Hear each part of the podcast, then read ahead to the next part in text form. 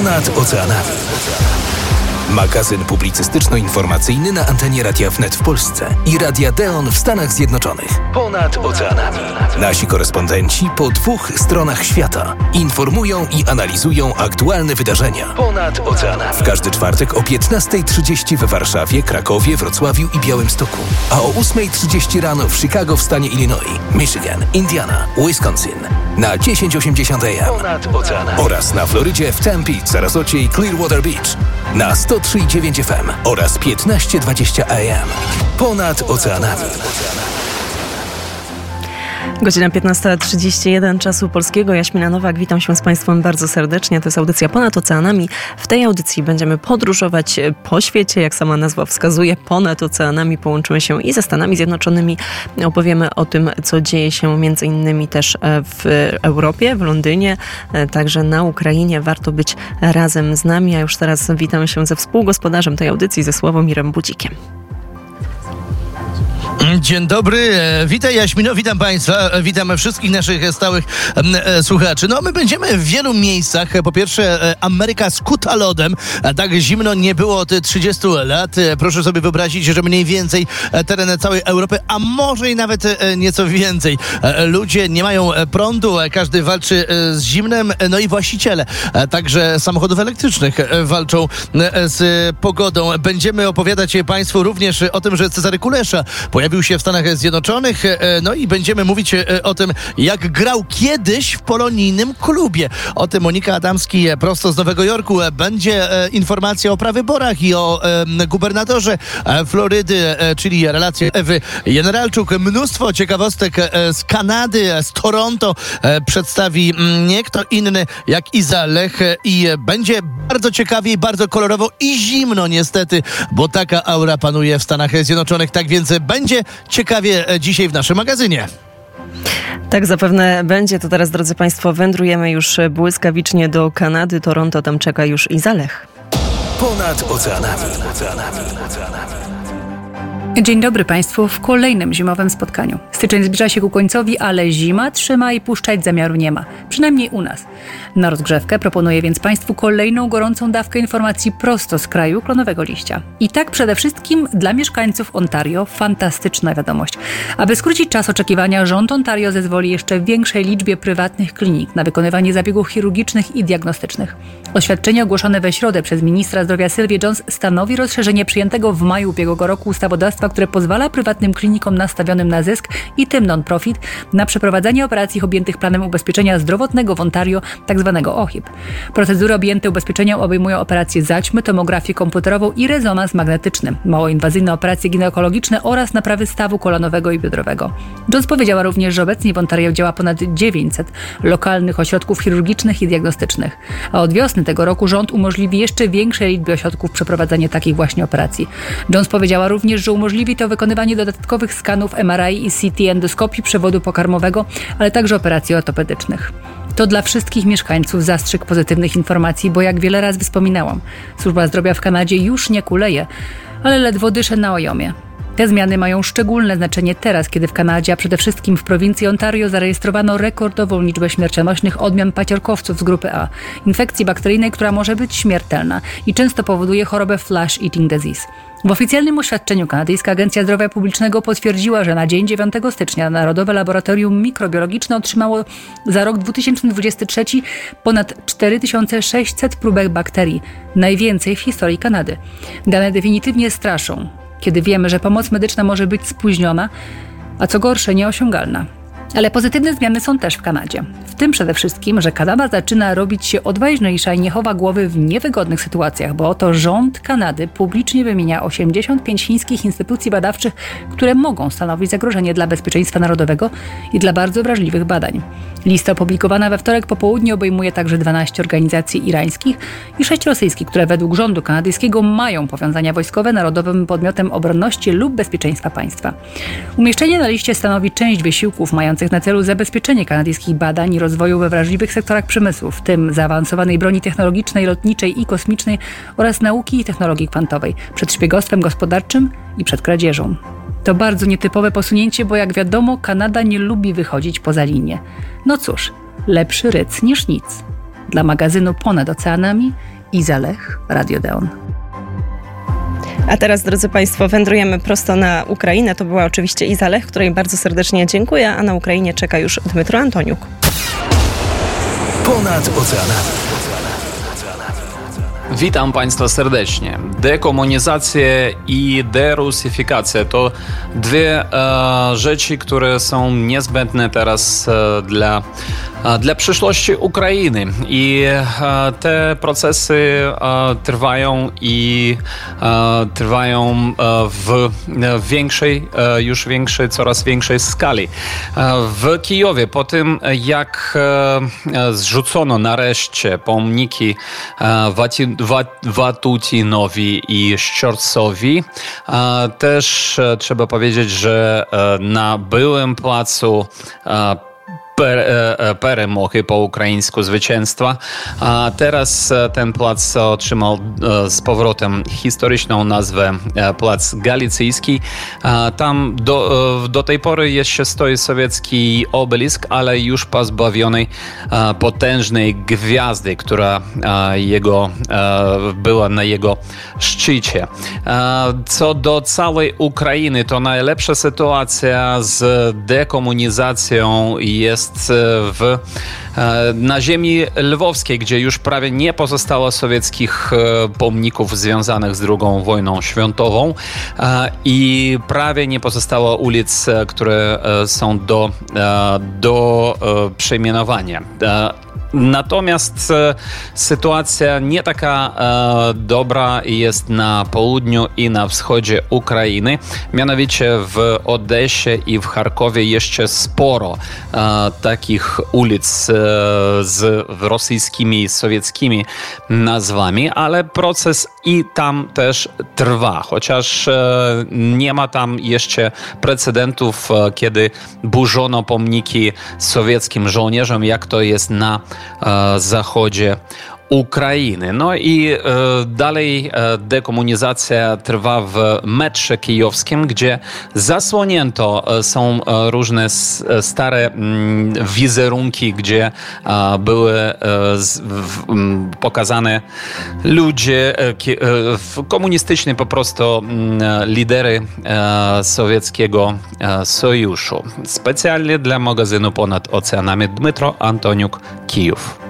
Bardzo serdecznie dziękuję. To, drodzy Państwo, Dmytro Antoniuk prosto z Kijowa, a my teraz ponownie usłyszymy głos współgospodarza audycji Ponad Oceanami, czyli Sławomira Budzika.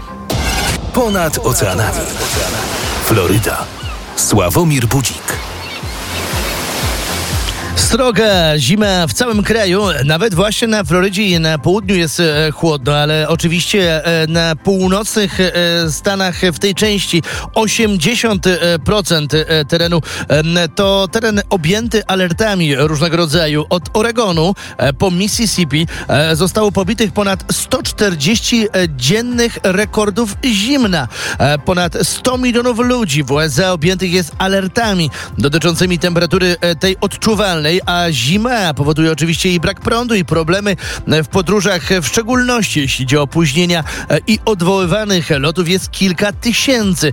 Zamykane są także e, szkoły. To wszystko powoduje, że mróz nie odpuszcza także w Chicago i tu to właśnie mróz uziemił auta elektryczne.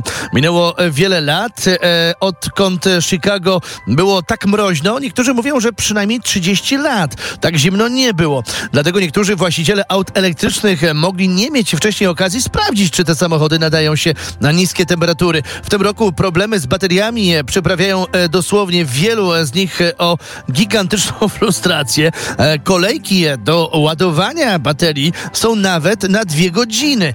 Tak wygląda Chicago i w związku z tym już teraz ten problem wyszedł jako jeden z głównych, który zima odsłoniła, że te auta elektryczne niestety nie dają rady w trudnych e, e, warunkach atmosferycznych. Natomiast na koniec powiem o tym, że eBay e, wysyła swoim krytykom żywe karaluchy pająki i płód świni. Tak się stało i jest finał w sądzie tej sprawy. Otóż byli pracownicy, którzy wysyłali te pająki, karaluchy, to małżeństwo, także jedne, jedni z oskarżonych, małżeństwo z Massachusetts, które w 2019 roku napisało krytyczny wobec eBaya cały list, no i sprawa trafiła do sądu.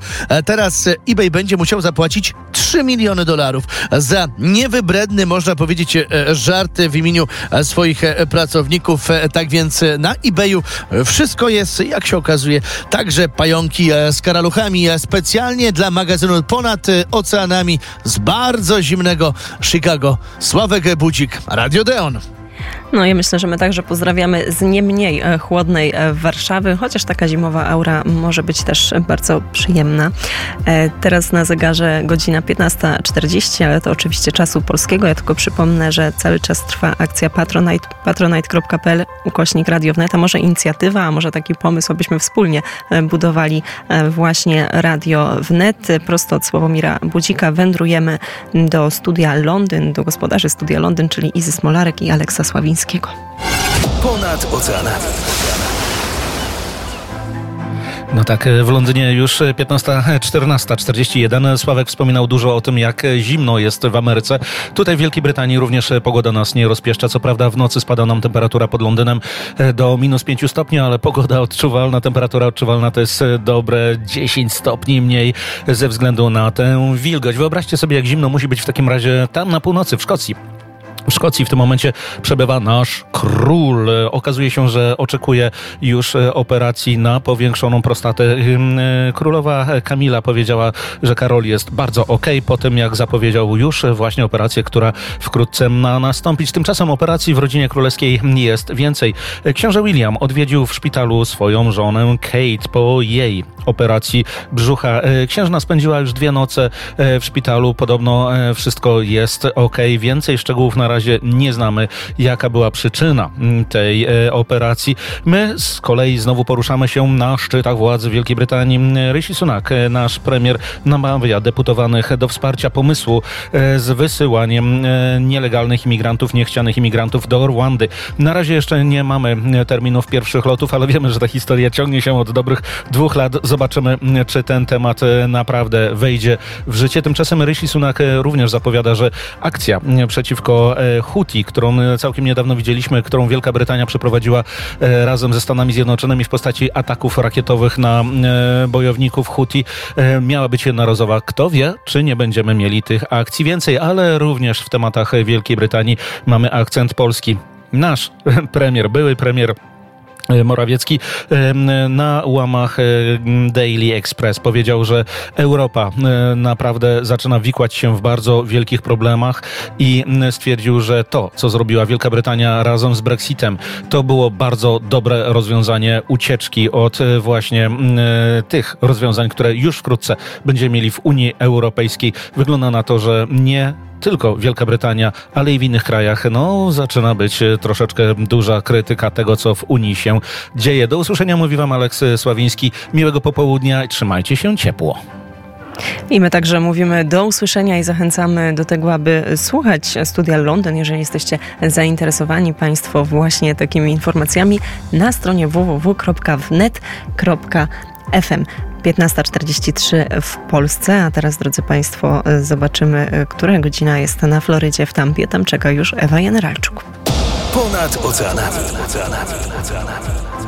Witam serdecznie wszystkich słuchaczy magazynu Ponad Oceanami ze słonecznej Florydy. Po bardzo zimnym, wręcz arktycznym weekendzie w Stanach Zjednoczonych, który wciąż nie odpuszcza, a który ominął Florydę, rozpoczął się bardzo gorący tydzień wyborczy Partii Republikańskiej. W poniedziałek wieczorem w republikańskim okręgu Iowa były prezydent Donald Trump wygrał pierwsze prawybory, pokonując m.in. Rona DeSantisa o około 30 punktów, zgodnie z raportem średnich sondaży. Ostateczne prognozy sondażowe zakładały, że Trump zakończy wieczór z około 52% poparciem, a nieoficjalne wyniki z wtorku dały mu 51%. Gubernator Florydy uplasował się na drugiej pozycji z zaledwie nieco ponad 20%. DeSantis powiedział w swoim przemówieniu po ogłoszeniu wyników, że będzie kontynuował wyścig w prawyborach. Dodał, że zamierza wykonać pracę dla kraju i nie zamierza szukać żadnych wymówek.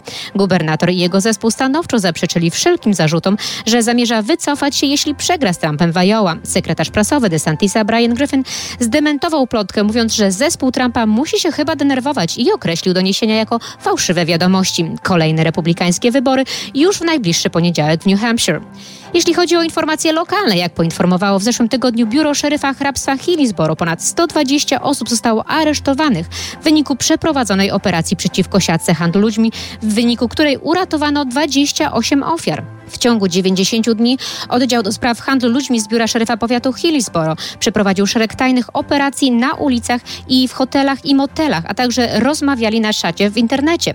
Tajni śledczy udawali nieletnich zainteresowanych spotkaniem w celach seksualnych lub strażników sprzedających dzieci w celach seksualnych. Szeryf Kronister zdecydował się przeprowadzić operację w czasie świąt, kiedy dzieci są poza szkołą i mają większe szanse na korzystanie z internetu. Policja aresztowała 123 osoby, którym postawiono zarzuty handlu ludźmi lub z nimi związane. Wśród aresztowanych jest nauczyciel, pielęgniarz, trener koszykówki i osoba zatrudniona przez organizację religijną. Od momentu powstania Wydziału do Spraw Handlu Ludźmi w 2021 roku policja aresztowała 604 osoby, a 36 postawiła zarzuty o przestępstwa związane z handlem ludźmi. Natomiast Rada Miasta Tampa wciąż rozważa wprowadzenie godziny policyjnej w całym mieście dla nieletnich poniżej 16 roku życia. Było wiele dyskusji na temat tego, czy godzina policyjna byłaby w ogóle konieczna, a nawet egzekwowalna w mieście. We wtorek wieczorem odbył się panel społecznościowy, podczas którego policja, urzędnicy miejscy i opinia publiczna wypowiedzieli się na temat proponowanej godziny policyjnej, która obowiązywałaby nastolatków poniżej 16 roku życia od godziny 11 wieczorem do 5 rano w tygodniu i od północy do 6 rano rano w weekendy. Członkowie Rady Miasta Tampa podczas pierwszego czytania głosowali 4 do 2 za przyjęciem projektu. Szef policji w Tampie Lee Berkow powiedział podczas dyskusji panelowej, że departament natychmiast rozpocznie przejrzysty proces szkolenia funkcjonariuszy i edukowania społeczności. I tu nasze polskie powiedzenie z nowym rokiem, nowym krokiem jest jak najbardziej na miejscu. Władze Tampa Bay bardzo ambitnie podchodzą do bezpieczeństwa młodzieży i dzieci. Dla magazynu Ponad Oceanami Ewa Generalczuk, Radio Deon, Floryda.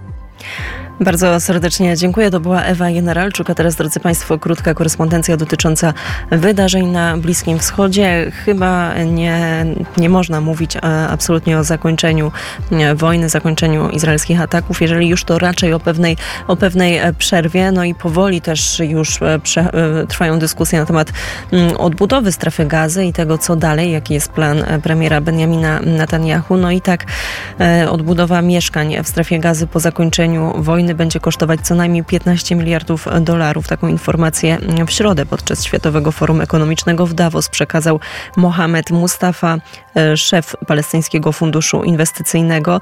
Jak podkreślił, według międzynarodowych raportów w strefie gazy całkowicie, całkowicie bądź w dużej mierze zniszczono 350 tysięcy mieszkań, zakładając, że 150 tysięcy z nich nie wymagałoby odbudowy, a średni koszt budowy mieszkania wynosi 100 tysięcy dolarów, to daje 15 miliardów właśnie tylko na ten cel. Zaznaczył, że ta suma nie obejmuje kosztów odbudowy infrastruktury szpitali czy sieci energetycznych, a te też, przypomnijmy, są niszczone. Agencja Reuters przypomina, że po wojnie między Hamasem a Izraelem w 2014 roku, która trwała 7 tygodni i pochłonęła życie 2100 Palestyńczyków, Katar wydał ponad miliard, miliard dolarów na projekty mieszkaniowe i pomocowe w strefie gazy. Tymczasem e, faktycznie na ten moment jeszcze E, pewnie to myślenie wśród mieszkańców e, Palestyny, strefy gazy czy zachodniego brzegu tak bardzo nie skupia się na odbudowie, a na tym, aby przetrwać, bo ta sytuacja jest skrajnie e, trudna.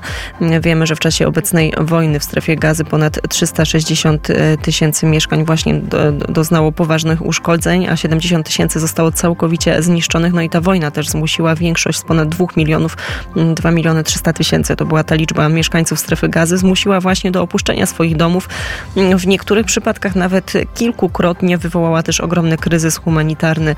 Brak żywności, paliwa, brak środków medycznych, nie wspominając o już ogromnej ilości ofiar, która cały czas się powiększa i z której większość to są po prostu ofiary cywilne. Tak w skrócie możemy podsumować to, co dzieje się dziś w strefie gazy, a teraz wędrujemy już z Bliskiego Wschodu prosto do Ameryki Łacińskiej, Ameryki Południowej. Nie tam, ale mentalnie i o tym będzie kolejna opowieść. Jest obecnie Zbyszek Dąbrowski. Ponad oceanami. To zanim Zbyszek Dąbrowski, to najpierw ojciec Paweł Kosiński. Ponad oceanami. Witam, witam bardzo serdecznie wszystkich naszych słuchaczy. Dzisiaj chcę powiedzieć o tym, że religijni Amerykanie uważają, że ich wiara jest mniej akceptowana przez społeczeństwo niż w poprzednich latach. Tak wynika z nowej ankiety, która została przeprowadzona przez Beckett Fund for Religious Liberty. Według tej ankiety największa zmiana w postrzeganiu w postrzeganym poczuciu akceptacji występuje wśród chrześcijan. Jednakże zgodnie z badaniami z poprzednich lat religijni niechrześcijanie zgłaszają znacznie niższy poziom postrzeganej akceptacji, o 8% niższy niż osoby wierzące jako całość i o 12% niższy niż chrześcijanie niekatolicy.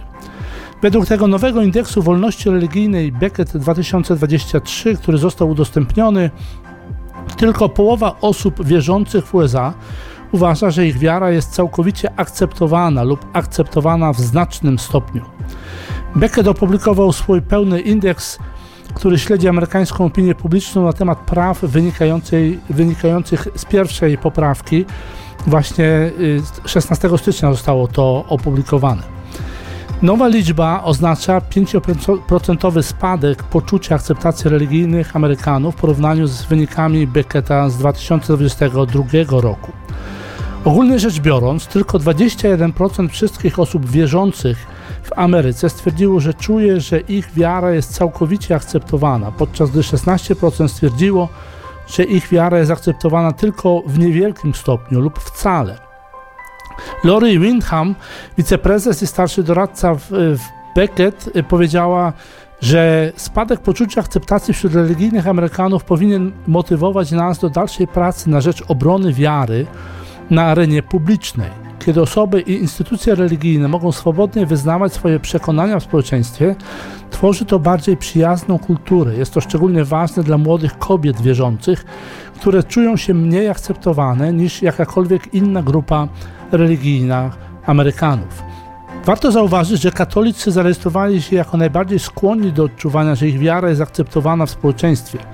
56% katolików odpowiedziało, że czują, że ich wiara jest całkowicie akceptowana lub akceptowana w dużym stopniu. Spadek ogólnego poczucia akceptacji nastąpił głównie wśród niekatolickich chrześcijan, z których 54% stwierdziło, że czują się całkowicie akceptowani lub akceptowani w dużym stopniu co oznacza spadek z 59% w 2022 roku. Beckett corocznie publikuje swój indeks wolności religijnej. W tym roku został opracowany na podstawie danych zebranych w dniach od 28 września do 5 października od reprezentatywnej w skali kraju próby tysiąca uczestników w wieku 18 lat i więcej. Dla magazynu Ponad Oceanami ze studia Radia Deon w Chicago ojciec Paweł Kosiński, jezuita. Bardzo serdecznie dziękuję za korespondencję w studio na krakowskim przedmieściu na Placu Zamkowym. Jest już Adrian Grałek. Ponad oceanami. Dzień dobry. W Polsce trwa kolejne posiedzenie Sejmu, a jak wiadomo, wtedy jest kolorowo w kraju. Uchwalono w końcu budżet na 2024 rok, oprócz tego głosowano m.in. w sprawie odwołania Krzysztofa Bosaka z funkcji wicemarszałka Sejmu oraz nad wotum nieufności dla ministra kultury Bartłomieja Sienkiewicza. Marszałkowi Bosakowi udało się zachować miejsce w prezydium, Pomimo wcześniejszych zapowiedzi i doniesień, że nie zdobędzie on odpowiedniego poparcia. Poparcia może nie zdobył, ale nie było też przesadnego sprzeciwu, bowiem za odwołaniem była w zasadzie tylko lewica, KO się wstrzymało od głosu, a Prawo i Sprawiedliwość oprócz jednego rodzynka solidarnie nie stawiło się na głosowanie. W sprawie ministra Sienkiewicza wotum nieufności także odrzucono, jednak oko Wielkiego Brata nie przestało na ministra patrzeć i tak zerkało, zerkało i pokazało coś bardzo ciekawego. Dziś Platformę X obiegło nagranie, na którym widać jak minister Kultury, zasiadając w ławach, w ławach sejmowych, wyciąga nagle coś z kieszeni marynarki. To foliowe zawiniątko z niewiadomą zawartością. Poseł je otwiera i coś z nim czyni. Do sprawy odniósł się poseł Michał Woź z mównicy sejmowej. Polityk podkreślił, że media obiegło szokujące nagranie, które trzeba wyjaśnić i wezwał ministra kultury do poddania się badaniom krwi i pokazania wyników. Oprócz polityki zima wróciła do Polski na grubo. Burze śnieżne na początku tygodnia sparaliżowały Polskę, w tym m.in. stolicę Warszawę. W wielu miejscach doszło do utrudnień komunikacyjnych. W poniedziałkowy wieczór przez Warszawę oprócz śniegu prędkość wiatru towarzyszącego dochodziła do około 70 km na godzinę. Na stołecznych drogach błyskawicznie zapanowały wa fatalne warunki. Choć zarząd oczyszczania miasta Warszawa skierował na ulicę 170 posypywarek, nie udało się uniknąć paraliżu drogowego.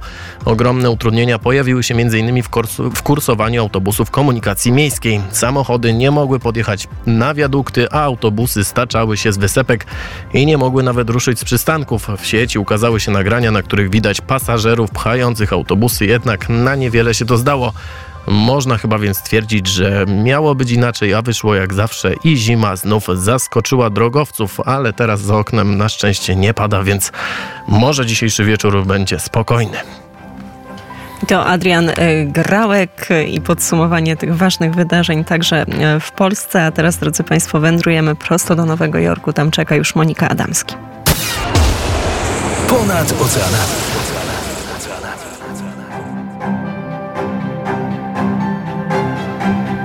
Skoro nie ma Moniki Adamski, to w takim razie wędrujemy prosto do Zbyszka Dąbrowskiego. Dzień dobry, buenas tardes. Informacja z Ekwadoru, szokująca informacja. E, mianowicie w dniu wczorajszym po południu w mieście Guayaquil, największym mieście portowym Ekwadoru, drugim co do wielkości mieście kraju, został zastrzelony, zamordowany Cesar Suarez, e, prokurator, który należał do grona najbardziej zaufanych współpracowników e, prokurator generalnej kraju pani Diany Salazar. E, mówi się, proszę Państwa, tak, że Suarez jak co dzień opuścił biura prokuratory generalnej i nie zdając sobie sprawy z tego, że e, kiedy poruszał się swoim pojazdem, inny samochód podążał za nim. Byli to zabójcy, którzy Kilka minut później dokonali zamachu na jego życie. E, kiedy dotarł do ulicy Los Seibos na północy ekwadorskiego miasta, jeden z mężczyzn oddał kilka strzałów w kierunku pojazdu prokuratora. Suarez został postrzelony i zabity. Warto wspomnieć, proszę Państwa, że Cesar Suarez był rzeczywiście jednym z najważniejszych prokurator, urzędników prokuratury generalnej w Ekwadorze. Był urzędnikiem, który prowadził duże śledztwa w sprawie w kilku, można powiedzieć, głośnych sprawach, między innymi e, korupcji w szpitalach ekwadorskich e, w czasach e, pandemii COVID-19. E, e, odpowiedzialny był również za sprawę Metastasis e, dotyczącą ekwadorskiego barona narkotykowego, który przeniknął do struktur państwowych i uzyskał przychylne traktowanie sędziów, prokuratorów, milicji i wysokich rangą urzędników i który został zastrzelony podczas jazdy pojazdem swoim samochodem kilka lat temu. E, warto również wspomnieć, że Cesar Suarez również e, brał udział e, w śledztwie dotyczącym niedaw niedawnego zamachu na jedną ze stacji telewizyjnych Ekwadoru, TCS Telewizjon, kiedy to 9 stycznia zamachowcy na około pół godziny przejęli stację i zaczęli strzelać w powietrze i krzyczeć, żeby nie zadzierać z mafiami. Proszę Państwa, e, morderstwo e, prokuratora Cesara e, Suareza z pewnością jest odpowiedzią organizacji przestępczych na politykę, niedawną politykę prezydenta kraju Daniela Noboi, walki z organizacjami przestępczymi. Do tej pory przeprowadzono, jak mówią oficjalne dane policji i wojsko, do tej pory przeprowadzono około 21 tysięcy operacji, w wyniku których aresztowano prawie 2 tysiące osób, z których prawie 160 ma postawione zarzuty rzekomego terroryzmu. Dla magazynu Ponad Oceanami Zbigniew Dąbrowski. Bardzo dziękuję. I my także bardzo dziękujemy. No to już teraz mam nadzieję, że jest z nami Nowy Jork i Monika Adamski. Ponad oceanami. oceanami. Witam Państwa serdecznie, pozdrawiam wszystkich słuchaczy magazynu Ponad Oceanami. W miniony weekend w Nowym Jorku było bardzo hucznie bowiem świętowane jubileuszowe przyjęcie, był to jubileusz 60-lecia klubu sportowego Polonia New York Soccer, czyli klubu piłkarskiego, który jest jednym z najstarszych klubów polonijnych na świecie. To klub, który został założony w 1963 roku jako Polonia Greenpoint, bo właśnie w polskiej dzielnicy się narodził. Natomiast to klub, który teraz już wychował pokolenia piłkarzy. Niesamowita sprawa. Otóż w tym klubie w latach 90. grał nikt inny jak Cezary Kulesza, czyli dzisiejszy prezes Polskiego Związku Piłki Nożnej. Cezary Kulesza był zresztą jednym z gości honorowych tej gali. Razem z nim przybył na tę galę specjalnie selekcjoner polskiej kadry narodowej Michał Probierz, sekretarz Polskiego Związku Piłki Nożnej Łukasz Wachowski narodowej oraz były reprezentant Polski Adrian Wasilewski, to piłkarz. 200 osób przybyło z różnych części Stanów Zjednoczonych, ale również z Polski po to, żeby świętować ten jubileusz. Byli tacy, którzy pamiętają lata 80., tak jak mówię, 90. tego klubu. Dzisiaj starsze osoby ze świetną pamięcią, które mówią, że to, że miały okazję być trenerami czy prezesami Polonii, w bardzo dużym stopniu też miało wpływ na ich życie. Piękny jubileusz ze względu na tych gości honorowych, rzeczywiście ta historia wyjątkowa że z Polonii do PZPN-u i to na stanowisko prezesa droga jest już utarta. Dzisiaj drużyna Polonia New York Soccer to są młodzi zawodnicy, jeżeli mówimy o pierwszej drużynie o rezerwie i to są często Amerykanie. Niektórzy z nich mają polskie pochodzenie, inni nie, ale najważniejsze jest to, że kontynuują historię. Prezesem klubu niezmiennie od 25 lat jest Polak Michał Siwiec, który jest bardzo, bardzo zagorzałym nie tylko kibicem, ale przede wszystkim piłkarzem. Całe życie praktycznie gra w piłkę i do dzisiaj gra w drużynie Polonii Over 50. Także był to również jego jubileusz tego wieczoru. Chcę tutaj też podkreślić, że miałam okazję przeprowadzić wywiad zarówno z prezesem Kuleszą, jak i z selekcjonerem Probierzem. Pytałam go również o baraże polskiej reprezentacji i tutaj muszę powiedzieć, że odpowiedział bardzo wprost, kiedy zapytałam go, co jeszcze chciałby osiągnąć do tych baraży. Odpowiedział mi, a co ja mogę osiągnąć? Jak ja będę widział się z nimi może raz kilka dni przed rozegraniem meczu. I to jest taka smutna prawda o pracy selekcjonera, w którym pokładanych jest tak wiele nadziei i tak bardzo dużo chcemy, żeby on nas zmieniał, zrobił, a tak naprawdę on ma z tymi chłopakami tylko kilka dni przed meczem i tutaj jest faktem, że za wiele nie da się zrobić. I Probierz jest tego świadomy, pomimo, że jest przecież trenerem z tak dużym doświadczeniem. I to też jest coś, co warto chyba sobie zatrzymać w pamięci. Dla magazynu Ponad Oceanami Monika Adamski, Radio Rampa, Nowy Jork. I drodzy Państwo, to była audycja Ponad Oceanami. Dziękuję wszystkim korespondentom z oceanu. Dziękuję także tym z Londynu, z Kijowa, z Warszawy. Andrzej Karaś wydał program, zrealizował Daniel Chybowski. Ja nazywam się Jaśmina Nowak. Dziękuję, że byliście Państwo wspólnie z nami. A na zegarze godzina 16.02. To oznacza, że już najwyższy czas na wiadomości w Radio Wnet. W studio jest Adrian Krałek. Ponad oceanami. Magazyn publicystyczno-informacyjny na antenie Radia Wnet w Polsce i Radia Deon w Stanach Zjednoczonych. Ponad oceanami. Nasi korespondenci po dwóch stronach świata informują i analizują aktualne wydarzenia. Ponad oceanami. W każdy czwartek o 15.30 we Warszawie, Krakowie, Wrocławiu i Białymstoku. A o 8.30 rano w Chicago w stanie Illinois, Michigan, Indiana, Wisconsin. Na 1080 AM. Ponad oceanami. Oraz na Florydzie w Tempe, Sarasocie i Clearwater Beach. Na 103,9 FM oraz 1520 AM. Ponad oceanami.